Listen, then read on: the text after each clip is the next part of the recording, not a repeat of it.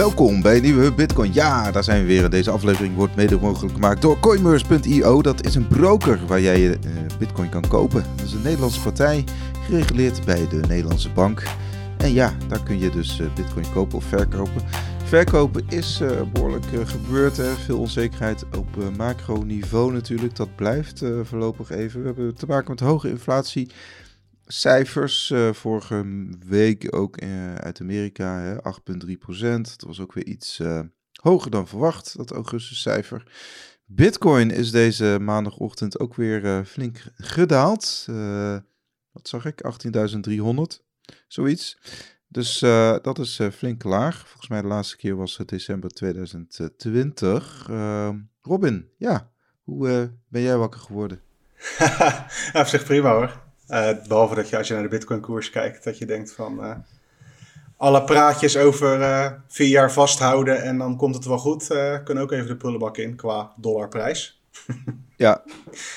en ja, nou, het is een beetje een herhaling van zetten, maar uiteindelijk is er gewoon geen sentiment waar dan ook ter wereld waarvan mensen denken van hé, hey, ik ga eens even geld stoppen in een risicovolle asset, zoals veel mensen het toch zien en wat het ook wel is.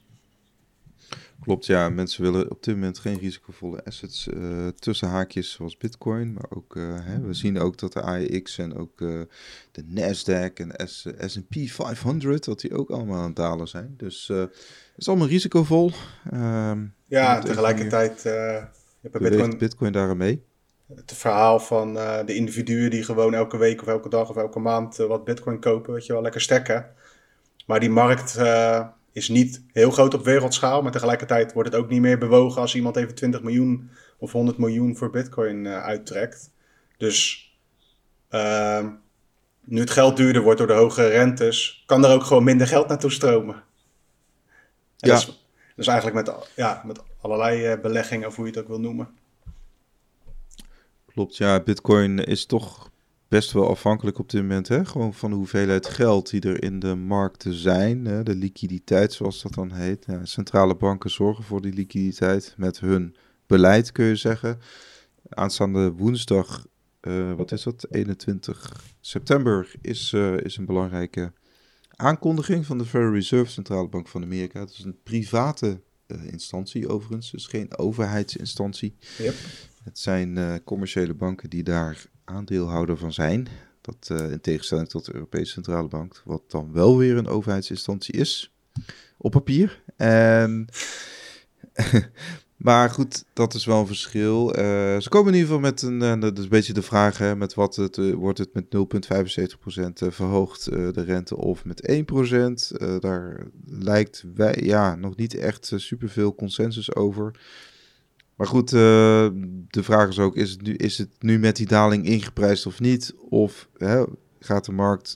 Ik denk dat er sowieso woensdag een reactie komt. We weten niet of die dan uh, verder gaat dalen of gaat stijgen. Maar er zal wel een reactie komen op, op, dat, uh, op dat rentebesluit. Ja, heel de financiële markt wereldwijd kijkt daarna volgens mij.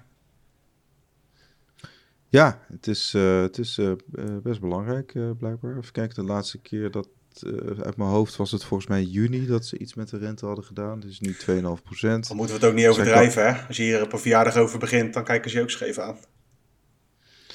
Inderdaad, sowieso als je het over bitcoin begint, kijken ze ook scheef aan. Dus, uh... Ja, centraal bankbeleid en zo. ja, hoe kun je nou nog van bitcoin leven? Hè? Dat soort dingen.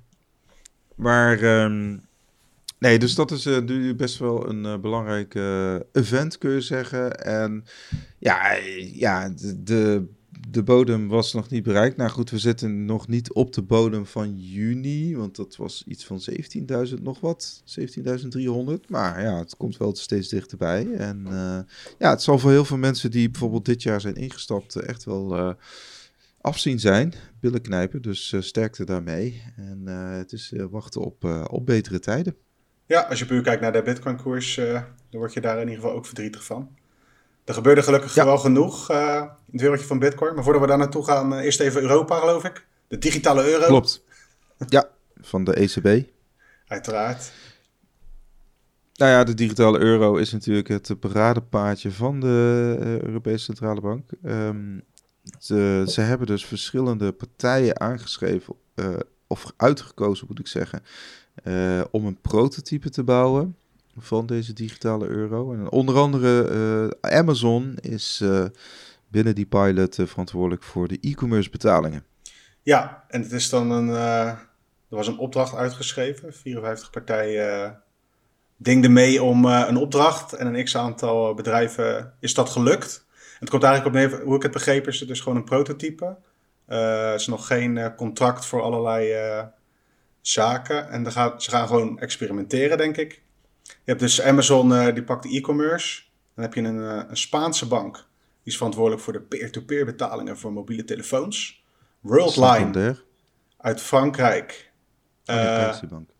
Ja, Worldline uit Frankrijk voor de mogelijkheden voor offline betalingen. Wat dat inhoudt, weet ik niet precies, maar uh, er zal ongetwijfeld een hoop uh, marketing bullshit omheen komen over uh, privacy en dat soort zaken. dus misschien dat zij daar het voortouw in nemen in dit, bij dit prototype. En dan heb je nog het Italiaanse Nexi. En zij gaan werken aan de plekken waar je kunt betalen met de digitale euro. Dus waarschijnlijk gewoon zodat winkels het kunnen accepteren en zo. Ja, Nexi is blijkbaar de online betaalmethode van Italië, begrijp ik. Oh, een beetje idealachtig. Een beetje, een beetje idealachtig, inderdaad. Oké, ja. het enige het, eh, wat mij opvalt gelijk, maar misschien ben ik een beetje biased, is denk oh, dus uh, drie Zuid-Europeaanse, Zuid-Europese partijen, hè? Eh, Spanje, Frankrijk, Italië en een Amerikaanse partij. Ik denk dan ook altijd van, oké, wat voor info krijgt Amazon? Dat is toch een Amerikaanse partij die ook heel veel informatie lekt naar de Amerikaanse overheid. Hoeveel, hoeveel informatie krijgen die? Hè? En wat voor wat voor geheimhoudingsplicht moet, die, uh, moet Amazon tekenen? Maar goed, ja, ik ben er ook nog niet uh, heel erg ingedoken. Tegelijkertijd, uh, zeg maar, de term digitale euro is ook gewoon nog heel vaag. Het enige wat we weten is dat er langzaamaan gekeken wordt naar hoe het eventueel een rol kan gaan spelen in de toekomst. Ik verwacht zelf in 2024 wat meer vuurwerk wat dat betreft. In de EU gaan dan ook bepaalde regels gelden voor crypto-bedrijven. Mika. Ja, de MICA-raamwerk. Nou, digitale euro, ja, het is een digitale centrale bankmunt, kun je zeggen. we zitten nu natuurlijk in een systeem waarbij centrale banken die, uh, die zorgen voor de liquiditeit in de economie. Uh, hè, dus uh, commerciële banken die kunnen natuurlijk bij de centrale banken aankloppen voor hun geldvoorraad. Even heel simpel uitgelegd. Maar met een digitale euro uh, krijgt, die, krijgt de centrale bank dus meer zeggenschap. Hè? Dus, ja, nu het eh, zegt, word je eigenlijk een soort van... Uh, iedereen, iedereen in Europa wordt automatisch klant van de ECB. Eigenlijk wel, ja. En dan moet je je zo voorstellen dat je, je hebt dan een commerciële bankrekening en een overheidsbankrekening. Dat zou, ja, zoals ik het dan voorstel, bij, of bij de ECB zijn of bij de Nederlandse bank als Nederlander. Dat, dat weet ik dus niet. Hoe, Allemaal verpakt in een mooie app. Dus hoe het precies zit, hoef je als gebruiker natuurlijk niet te weten. Je logt gewoon in met je DigiD of whatever. Een paar keer je gezicht scannen en uh, je mag betalen bij de winkel. Nou ja, ik kan me voorstellen, stel, hè, stel dat Europa nog verder gaat samenwerken. We zien natuurlijk nu ook al met die energieplafonds en energietoeslagen. Dat... Uh, ja, ik kan me zo voorstellen, even toekomstmuziek, dat uh, elke Europese burger krijgt dan zijn energietoeslag uh, uh, gestort. En dat, dat zou dan op zo'n op zo'n op zo'n rekening van, het, van de Europese Centrale Bank kunnen. Ja, tegelijkertijd, jij zei net rekening bij commerciële banken bij de ECB. En met een beetje geluk heb je ook een paar bitcoin-adressen nog. ja, nou ja, de vraag is natuurlijk, maar goed, we zitten nu heel erg in de toekomstmuziek. Maar ja. Dat is ook wel eens leuk. Um, nou ja, ik, ik, stel me dan voor, mag ik dan met mijn Europese Centrale Bankrekening of met mijn DNB-rekening? Uh, eh, DNB is al de toezichthouder op, uh, op Bitcoin-bedrijven in Nederland, crypto-bedrijven in Nederland. Mag ik met die rekening dan ook Bitcoin kopen? dat is een beetje de, de vraag. Ja, nou in ieder geval niet uh, overal en nergens, denk ik. Ik denk dat je dan te maken krijgt met een paar bedrijven in Nederland bijvoorbeeld waar dat dan mag. En met een beetje pech uh, is dan ook de, de uitweg nog dichtgetimmerd. Dus dat je je bitcoin er niet vanaf kan halen. De trend is wel anders, moet ik zeggen. Van in de industrie zie je dat spelers als bijvoorbeeld PayPal beginnen met... Hey, je kan bij ons bitcoin kopen, maar het er niet van afhalen. Dat, dat veranderen ze dan op termijn wel, omdat daar blijkbaar toch meer mhm. vraag naar is. Maar Maar je kan, dit is nou typisch zoiets wat met een digitale euro moeilijker gemaakt kan worden. Als jij je salaris krijgt in digitale euro, en dat is het enige wat jij uh, qua geld ontvangt in de maand. En er wordt gezegd van, nou, met, uh, met, deze, met deze app kan je overal betalen bij de goedgekeurde winkels. Als daar geen bitcoin ja. winkeltje tussen zit, dan uh, moet je dat op andere manieren doen. En dat is een beetje doemdenken, hè? maar dat zijn wel scenario's die makkelijker worden met een nieuwe vorm van de euro dan nu. Want nu in het ergste ja. geval uh, stop je vijftientjes in een uh, ETM, nog anoniem. En doe je een mondkapje op, een zonnebril en een pet. En dan krijg je vier tientjes aan bitcoin terug ongeveer. maar ja, dat ja. is ook geen, geen grootschalige manier van bitcoin adopteren of zo, zeg maar. Dus de digitale euro kan het wel moeilijker maken allemaal. Ja. Nou ja, je hebt natuurlijk landen zoals China en, en ook andere landen die volgens mij alweer uh, een aantal stappen verder zijn dan Europa. Uh, Amerika zelf wil ook een digitale variant van de dollar gaan, uh, gaan maken. Dus Zo, ik vraag dat, me ook af hoe dat...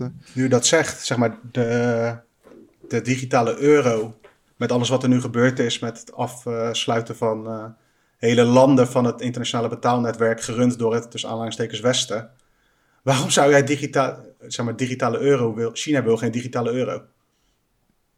Nee. Dus alleen de bevolking. Die willen het misschien niet eens, maar die we krijgen het gewoon door de strot geduwd. Ja, je vraagt je inderdaad af van, uh, wordt het een, een, een, een, zeg maar een retail netwerk? Dus is ja. het alleen, of uh, is het ook, uh, hè, gaat ja, geen idee. nu, nu, verloopt het natuurlijk gewoon via commerciële banken. Hè. Ik denk dat de Deutsche Bank gewoon uh, zaken doet met Gazprom bijvoorbeeld voor hun energiecontracten. Hmm. Maar ja, hoe gaat dat inderdaad? Uh, stel dat de, de, de, de, Duitse staat, zeg maar. Uh, ja, weet ik eigenlijk niet. Kijk, de Duitse staat is al nu gewoon net zoals de Nederlandse staat, die gebruikt de ING, hè. Maar de, de Duitse, bijvoorbeeld de Belastingdienst is, is, is ja. Uh, misschien worden die dus wel allemaal uitgesneden. Hè? Dat, ook de overheid, dat was dus een beetje de vraag of de overheden ook uh, die digitale euro gaan gebruiken op die manier zoals wij hem ook gaan krijgen. Het is meer ja. uh, dit nieuws. Nou, dat zou, dat zou wel in de lijn der verwachting liggen, omdat we natuurlijk, we zitten in een tijd dat overheden dus steeds meer uh, naar zich toe gaan trekken. Hè? Dus we zien, ja. we zien dat, dat heeft natuurlijk de afgelopen jaren wel duidelijk gemaakt, dat overheden willen meer controle hebben. Uh, hè, ten opzichte van de markt, zoals dat dan heet. En dat, dat zie je dus op die, in die financiële wereld ook, uh, financiële markten ook gebeuren. Dat uh, overheden willen ook een, ja, een deuntje gaan meespelen op, op, het, op de financiële markten. Yep. Dus even kijken hoor, de oefening. En de energiemarkt tot, ook. Ja, dus ja. nu ook die energiemarkt. Dus het is, kijk, Nederland was altijd vrij terughoudend met zo'n energieplafond, maar nu andere landen binnen Europa hebben daar heel erg veel gepusht. Van nee, wij, wij als Europa moeten daar uh, nu ja. op gaan ingrijpen. Ja, als je dat en, allemaal uh, meeneemt, uh, zeg maar de huidige ontwikkelingen, dan lijkt het er niet op dat de digitale euro ervoor zorgt dat de Europese Centrale Bank of de Europese Unie minder te zeggen krijgt op dit, op die werelddeel. nee, nee, nee, maar, en inderdaad, dus, en je kunt ook nog misschien wel zeggen van ehm, dus ze dus ook meer zeggenschap krijgen op de Europese energiemarkt. Ja, in hoeverre stel dat ze dan in het frame uh, blijven van uh, Bitcoin is vies. Hmm. Uh, dan krijgen ze natuurlijk ook steeds meer zeggenschap, misschien over um, dat, dat ze tegen Vattenfall zeggen: hey, ja, nee, maar jullie mogen helemaal die, die Bitcoin miners mogen jullie helemaal niet voorzien van energie. Ja, je dus ik kan me voorstellen dat daar ook wat, wat eisen aan uh, vast uh, worden. Ja, want het, ja, dus, goed, dat is allemaal een beetje in de toekomst kijken. Het is ja. Maar het is wel, uh, ja, die ontwikkeling is wel gaande. Ik zat even te kijken. Um, dit hele prototype bouwen ding duurt tot eind december. Mm -hmm. Onderdeel van een meerjarenplan. En ja, dit is gewoon een onderdeel van het uitzoeken van hoe ze het gaan doen en wat ze willen, blijkbaar. Ja. En tot die tijd, uh, of intussen blijft Bitcoin gewoon werken. En uh, we gaan wel kijken wat er uit de koker rolt. Ja. Nou, op het gebied van Bitcoin mining speelt Europa een minder grote rol. Hè. We weten uit onderzoek dat eerst was natuurlijk China de, de grootste plek waar, waar Bitcoins werden gemined. Dat is inmiddels is dat toch Amerika. Uh, we hebben onder andere Foundry USA. Dat is een grote Bitcoin mining pool die uh, nu de grootste rekenkracht voor zijn rekening neemt. En we zien ook in Amerika natuurlijk dat er, zeg maar, die miningwereld is niet één wereld. Je hebt gewoon verschillende fracties binnen zo'n industrie. Hè? Dus de ene die en we hebben bijvoorbeeld Fred Thiel, die is CEO bij Marathon. Marathon is een relatief grote Bitcoin miner, die is beursgenoteerd. Ja. ja, en zij zijn een van de miners die ook hè, eh, in die Green Mining Council zitten. Dus die, die, die zien eigenlijk, ja, die willen het liefst zien dat er zoveel, zoveel mogelijk uh, groene stroom wordt gebruikt voor, uh, voor Bitcoin mining. Ja, die zien vooral financieringsmogelijkheden, want die Fred Thiel die wil dus, die pleit dus voor meer subsidies voor Bitcoin miners. Ja, meer subsidies. ja, die speelt, dat, die speelt dat spelletje. Die is zelf een. Uh, nou ja, die ziet wel van. Uh, en is wel een goed voorbeeld. Die, uh, heeft zelf dus zijn, zijn hardware eerder dit jaar al deels verplaatst naar een plek waar het gaat om meer duurzame energiebronnen. En ja, daar speelt dit dan bij, bij mee. Dus die is aan het lobbyen voor meer geld. ja, is het wel. Kijk, en hij ziet ook dat partijen als BlackRock uh, natuurlijk meer invloed proberen uit te oefenen op, uh, op het Bitcoin-netwerk. Uh, Is dat zo? de Bitcoin-industrie. Ja, oké. Nou ja, de BlackRock komt natuurlijk, natuurlijk nu met een eigen Bitcoin-fonds. En ze waren al eerder, hebben ze geld gelegd in Bitcoin futures. Ja. BlackRock is natuurlijk ik wil het ook weer niet uh, over, uh, zeg maar, hun, hun, hun positie uh, overschatten. Maar zeg maar de, de, de nieuwsbrief, de newsletter van de CEO van BlackRock, Larry Fink. Mm. Ja, die wordt door iedereen gelezen. Dus zeg maar elke financiële analist op Wall Street, maar ook Chicago, die leest die brief. Ja. En hij is echt een pleitbezorger van meer ESG, dus meer hè, meer uh, duurzaam, hernieuwbare bronnen, zeg maar. Ja. Of je nou Coca-Cola bent, of IBM, of whatever. Uh, hij vindt dat er gewoon meer groene stroom gebruikt moet worden, of opgewekt moet worden. Ja, en dat, dat frame, en daar speelt hij Fred Thiel natuurlijk wel mooi op in. Want hij heeft zoiets van, ja, ehm, als, als dat het frame wordt, als het frame wordt van Bitcoin moet ook groener worden, ja, dan wil ik ook wel geld voor. En dat is een beetje ook het frame wat uh, de energiesector... Uh, dat is het spelletje. je hebt de groep miners... de windparken uh, in Nederland? Ja, dat is toch Shell. Ja. Dus ja. Je hebt de groep miners in Amerika die zeggen dat ze zo min mogelijk van aantrekken. Maar de grotere bedrijven, die zitten natuurlijk zo in die, gewoon in die industrie verwikkeld. Die moeten hier bij wijze van spreken wel aan meedoen. Wat je ook zelf vindt van het hele groene gebeuren beleid. Van, hier valt geld te halen. En zo'n Fred Thiel Net als zijn broer uh, Pieter Thiel, die uh, weten wel waar het geld te halen valt. ja, ik, ik, weet het, ik weet niet of ze nou familie zijn. Ja, weet ik ook niet. Maakt niet uit. voor mij, voor mij wel. gewoon de broer van. ja. gewoon, hetzelfde, gewoon hetzelfde clubje Thiel is dat. Ja, er komen dan een beetje hetzelfde, de talking points voorbij. Hè? Van uh, op een bijvoorbeeld op een energiepark met windmolens of met zonne-energie heb je bepaalde piekmomenten waarop er heel veel energie wordt opgewekt en dat kunnen ze nergens kwijt. Zo'n Thiel die argumenteert dan van nou dat is het, de plek waar bitcoin miners dan een rol kunnen spelen bij het winstgevend krijgen van die energie, uh, plekken voor energie opwekken. Of dat in de praktijk ook zo uit gaat pakken, dat valt altijd nog te bezien. Maar dat, dat zijn de talking points uh, vanuit die kant, zeg maar. Ja. Ja, en je hebt dan een andere, andere fractie die, die zegt van... Uh, nou, kijk eens wat we doen al met fossiele brandstof. Hè? Dus, um, dus uh, ja, je hebt bijvoorbeeld een hele club uh, miners in, in, in West Texas... die inderdaad ook uh, gewoon gas gebruiken wat anders afgefakkeld zou worden. Hè? Dus die, ja, of niet eens. Die of die het gewoon uit de grond pompen en zeggen van... ja, dit zat in de grond en nu kan ik er bitcoin mee minen. Het is goed. Ja, precies. Dus dat sowieso dat gebeurt natuurlijk ook nog steeds. Uh, gewoon uh, olie en kolen, inderdaad. Um, hè, en en, en, en de, zeg maar de, de stroom die daarmee uh, wordt opgewekt uit kolen, die, uit kolencentrales, die wordt dan gebruikt voor, voor bitcoin miners. Dus dat inderdaad. Van, hey, als ik het niet gebruik, dan gebruikt iemand anders het. Dit is nou eenmaal de markt. Dit is nou eenmaal de energie die er voorhanden is. Van, anders zitten we gewoon met allerlei energieoverschotten. En, ja. Uh, ja, het spelletje is ook een beetje van een bitcoin miner, zeker op grote schaal. Gaat niet in een, op een plek zitten waar energie super duur is. Dat is gewoon, dan concurreer je met andere plekken in de wereld waar ze relatief weinig voor hun energie betalen. En zelf heb je een hele hoge energierekening en is het bijna onmogelijk om je bedrijf winstgevend te krijgen.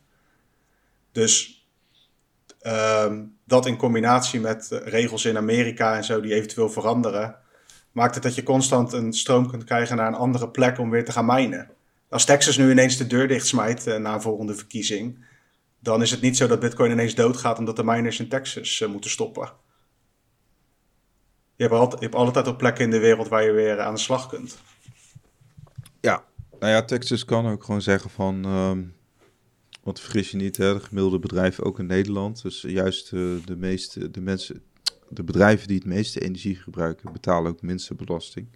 Ongetwijfeld. en, en de mensen die het minste gebruiken, dat zijn wij als burgers, die betalen de meeste energiebelasting. Ja, zo, zo zit het systeem in elkaar. En dat is niet anders dan in Amerika, want je krijgt natuurlijk allerlei fiscale voordeeltjes als je als bedrijf... Uh, ja, de, wil gaan afnemen in Texas. Dus... Er is zo'n voorbeeld van een bedrijf daar die uh, tijdens nood uh, de boel had uitgezet. Miners en de energiecontracten die ze hadden door hadden gespeeld naar uh, de staat. Of in ieder geval degene die het energienetwerk runnen. En daar, daar, verdienden ze toen meer mee dan met het minen van bitcoin met diezelfde energie. dus het is echt niet uit de goedheid van hun hart hoor, dat ze dit soort dingen aan het doen zijn. Zij zien gewoon een businessmodel.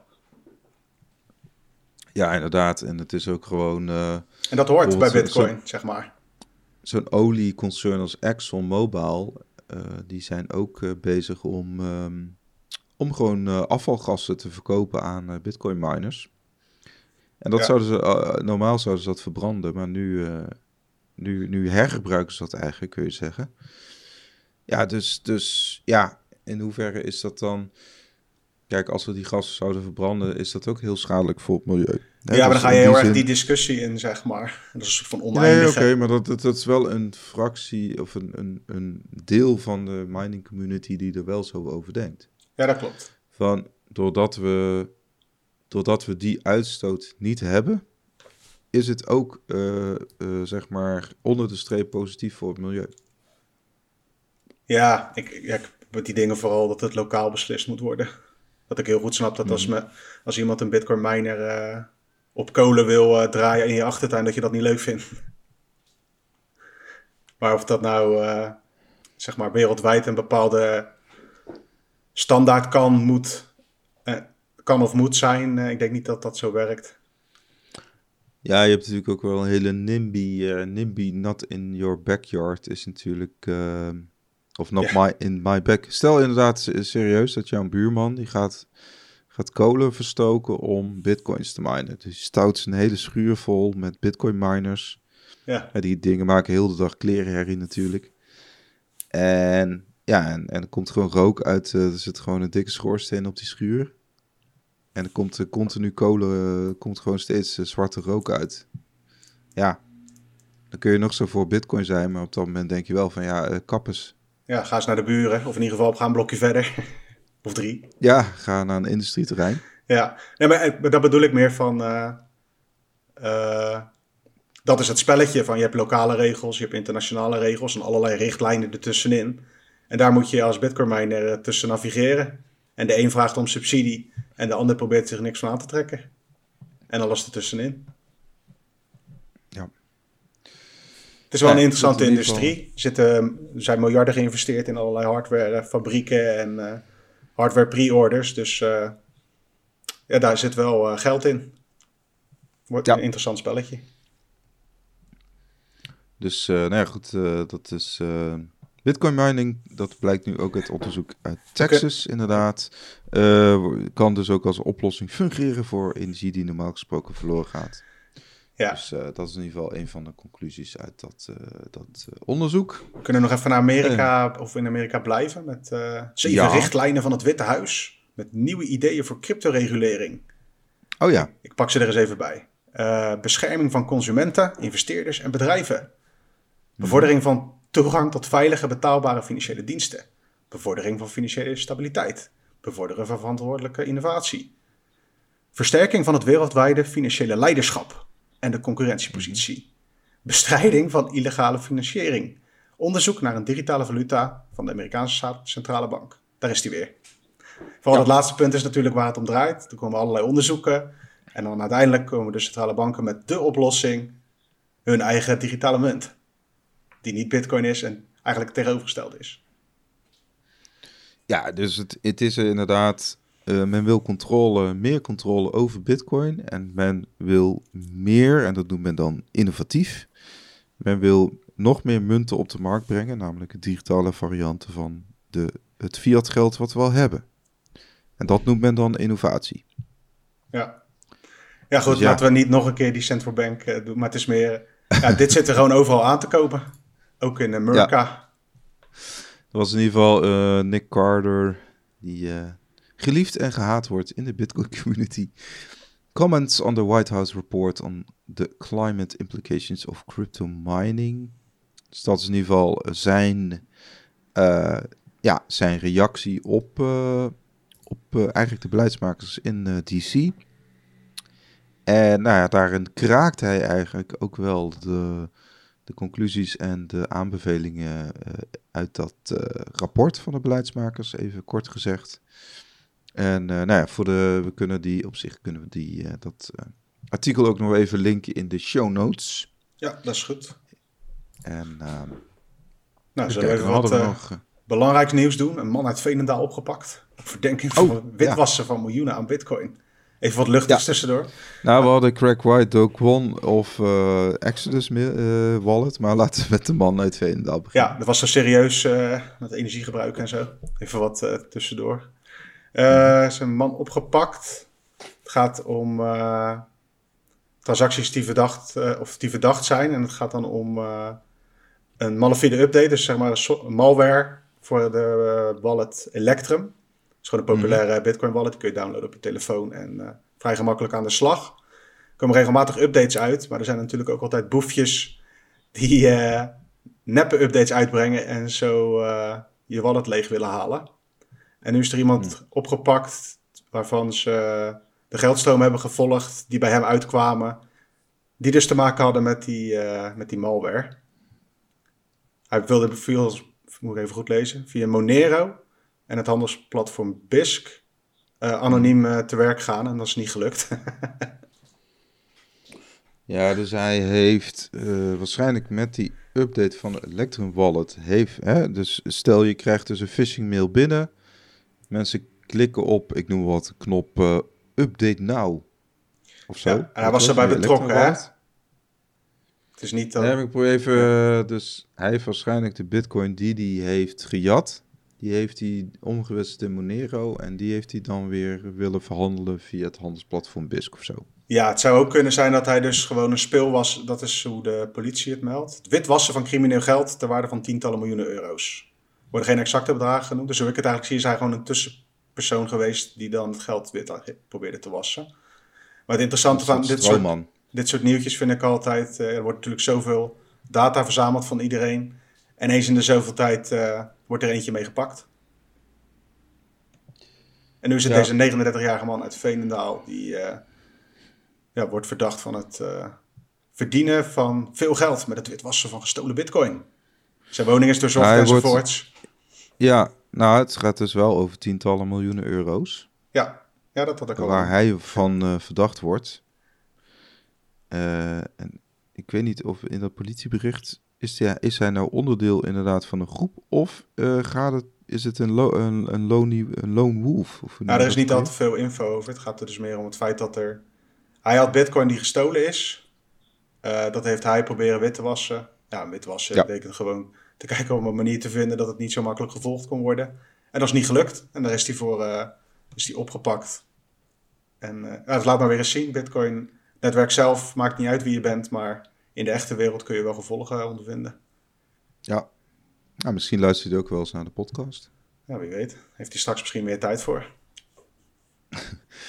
nou ja, Uh, we gaan, uh, voor, ja, ik ben altijd wel benieuwd hoe dit, hè, want hij wordt dan aangeklaagd. En uh, daar volgt dus gewoon een rechtszaak van. Dus misschien dat we in rechtspraak.nl daar dan wel weer een ja, het uiteindelijke het zal wel even duren.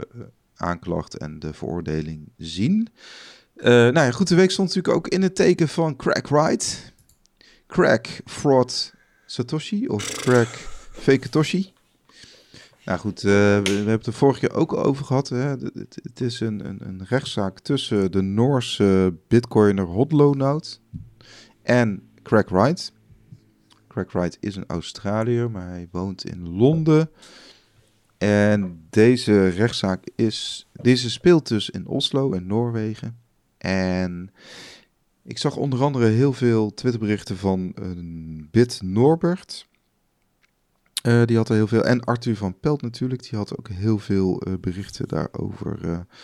Samenvattingen gestuurd op Twitter, onder andere. En ja, ik begrijp dat er gewoon nog heel veel leuk. Elke dag spreiden de crack white leugens in de, in, de in de rechtszaal in Oslo. Begrijp ik. Het is gewoon een grote soap. Ik ben blij als die gozer een keer ophoudt, maar die heeft zoveel funding. Ik zag trouwens iets kwalijks CoinGeek. Dat is zo'n uh, nieuwsplatform met, uh, ja. die gefund wordt door uh, whatever uh, Craig Wright ook door gefund wordt. die waren ook bij, die, bij die rechtszaken en die brachten ook regelmatig die uh, Hotlonaut en zijn gezin en zo in beeld gewoon. Dat is een pseudo-anonieme twitteraar. En dat platform gaat er dan naartoe om even te laten zien wie die anonieme gozer dan eigenlijk is. Weet je wel? gewoon smerig. Ja, en uh, ja, Craig Wright kwam met de standaard dingen van... Uh, ja, het onder signeren met, met de juiste keys is geen sluitend bewijs dat ik Satoshi ben of niet. Enzovoorts. Hij zou de harddrive waar het een en ander op staat hebben vernield. Allemaal van dat soort verhalen. Maar ja, het komt er dus in feite op neer dat iemand die vindt dat Wright niet Satoshi is... is verwikkeld in dure en langlopende rechtszaken. nou, je hebt op Twitter inderdaad heel veel volgers van, uh, van, de, van de rechtszaak. En uh, nou ja, iedereen heeft mocht getuigen ook opvoeren. En ehm, dus zowel Hotlonout als Crack Wright hebben diverse getuigen opgevoerd. Nou goed, de volgers, de echte experts zoals Arthur van Pelt, die hebben eigenlijk die, heel veel wat er gezegd is in die rechtszaal behoorlijk gedebunked. En ja, dus het is, hij zal ook nog een achtergrondartikel schrijven op bitcoinmagazine.nl over deze zaak. Met eigenlijk de voornaamste conclusies. Dat zal binnenkort zijn als ja, deze rechtszaak is afgelopen. Deze maandagochtend gaat het ook onder andere over een rapport van KPMG. En de analisten van BDO. Dus nou ja, goed, het is... Het is um, het is een uh, grote soap, inderdaad, kun je zeggen. En het is inderdaad bizar dat, uh, dat deze man nog zoveel aandacht krijgt eigenlijk aan de ene kant. Dus uh, ja, goed, hij wordt inderdaad gefund door een miljardair of een, een miljonair. Daarom zuchtte ik ook aan het begin van dit onderwerp. Maar toen dacht ik ook van ja, de website en dus ook in de podcast. Wij zijn ook schuldig eraan, besteden ook veel aandacht aan. Ja. Eigenlijk wil je hem doodzwijgen, maar dat gaat ook niet, want het is wel een... ja, weet je, als iemand gewoon is eigenlijk een soort van willekeurige bitcoin is het leven zuur probeert te maken met rechtszaken, is dat wel uh, belangrijk om even te noemen, denk ik. Ja, nee, zeker.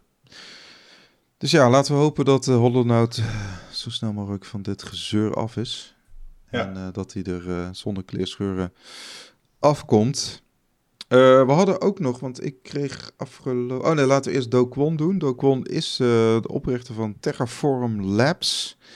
Dat is eigenlijk ja, het bedrijf uh, gevestigd in Zuid-Korea. Het bedrijf achter Terra USD. Dat was een stablecoin. En die was dan weer gekoppeld aan de shitcoin Luna. En eigenlijk is Luna en alles wat ermee te maken heeft. Dat is behoorlijk ingestort natuurlijk eerder dit jaar. maar goed, Do Kwon die heeft natuurlijk een behoorlijk hoog spel gespeeld, kun je zeggen. Met allerlei verschillende soorten crypto's. Nou, 80.000 bitcoin geloof ik of zo. Of dat was zijn plan. Weet ik veel. In ieder geval een hoop bitcoin wilde hij verzamelen. hij had, hij had 80.000 bitcoin. Ja. En dat is allemaal geliquideerd om een of andere stablecoin in leven te houden. Niet gelukt. Ja. En uh, ja, nu zitten de Zuid-Koreaanse uh, autoriteiten achter hem aan. Ja, vooral omdat natuurlijk niet elke token of uh, die hij in het leven heeft geroepen uh, zou voldoen aan de regels van uh, de financiële autoriteiten in Zuid-Korea. Goh.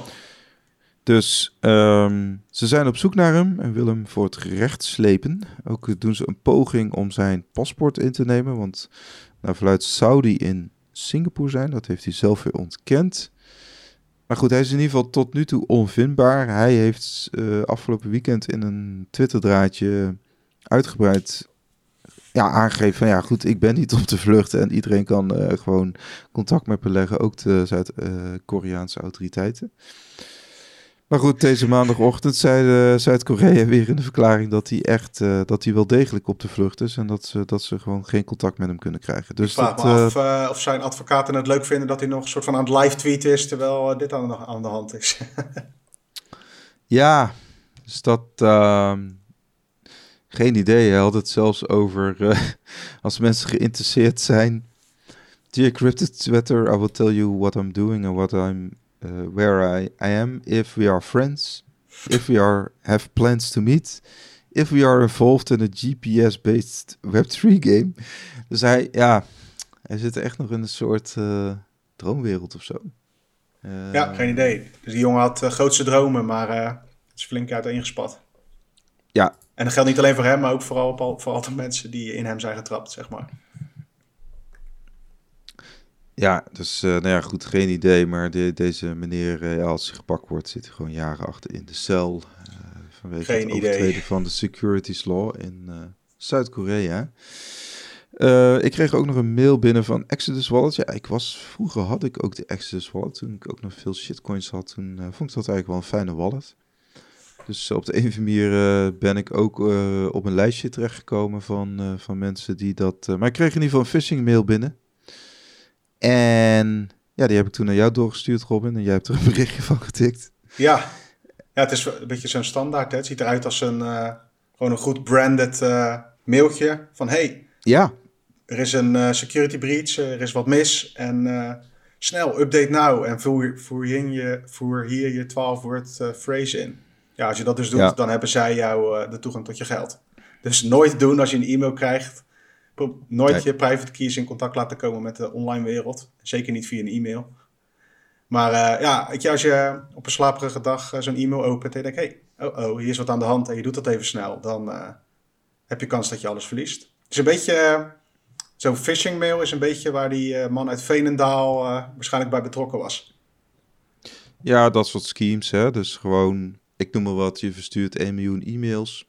Want weet je wel, we worden toch verplicht om overal je e-mail achter te laten. Dus uh, je, je e-mail die staat sowieso wel ergens in een, uh, ja. in een database. Ze doen een beetje raar ja, hoofdlettergebruik, maar tegelijkertijd, ze hebben wel heel erg de urgentie erin. Due to these circumstances, we must assume that your cryptocurrency assets are at risk of being stolen. Ja, ja, daar gaat het om. Hè? Dat, Neem nu dat, actie. Dat mensen... actie. Ja, actie, precies. actie. Ja, je kent het ook van die sms'jes, hè? dat je ineens een sms'je krijgt van uh, uw bankrekening uh, ja. is geblokkeerd. Van en de wel bank hier waar je niet zit. Ja, ja, precies. Nee, dus uh, nou ja, let op en klik absoluut niet op dit soort mails. En kijk altijd naar de afzender en ja, vooral met dit soort alarmerende berichten. Dat is natuurlijk gewoon bedoeld om angst aan te jagen dat je gelijk erop klikt.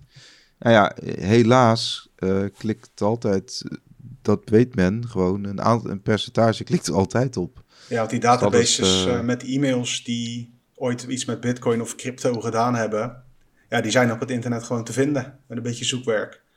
Nou ja, had natuurlijk ook die grote ledger lek bijvoorbeeld. Ja, er waren gewoon mensen gewoon te vinden met adres en al. Ja, ja, die kregen mensen zelfs uh, gewoon uh, spam thuis in de oldschool in de brief, briefpost. Ja. ja.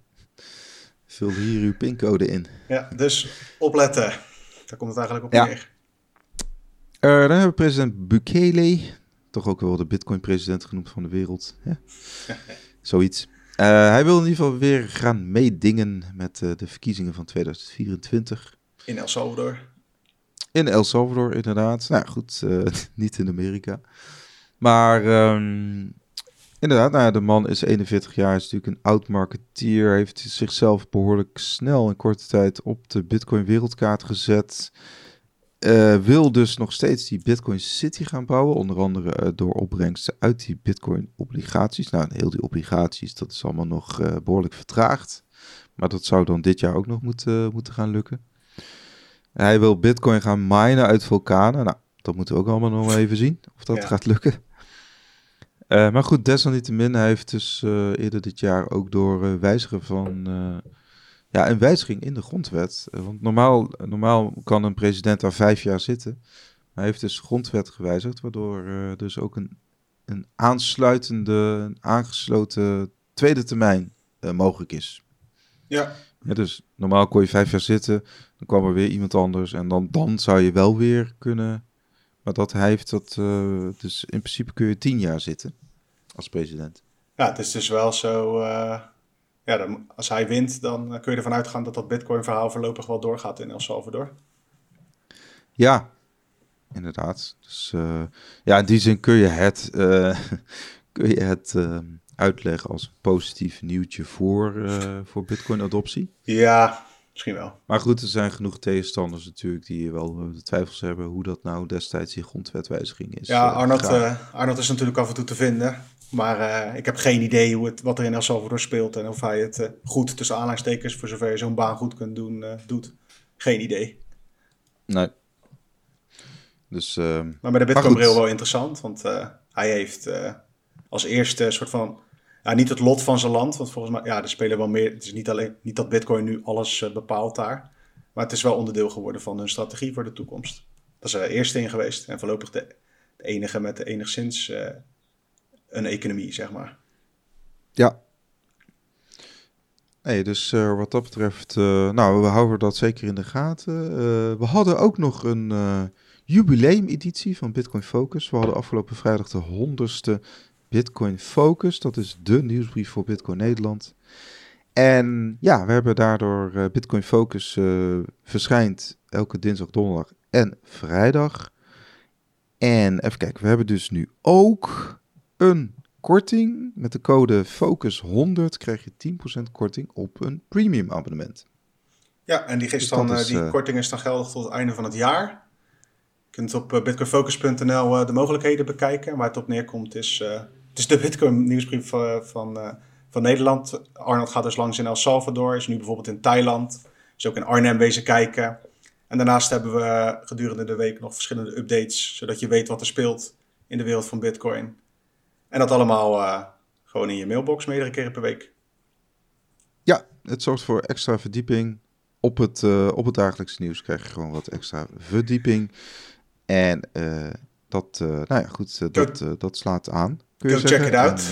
En, Bitcoinfocus.nl ja. met de code FOCUS100. En dan krijg je dus 10% korting. Zo, dat was yes. het reclame-rondje weer.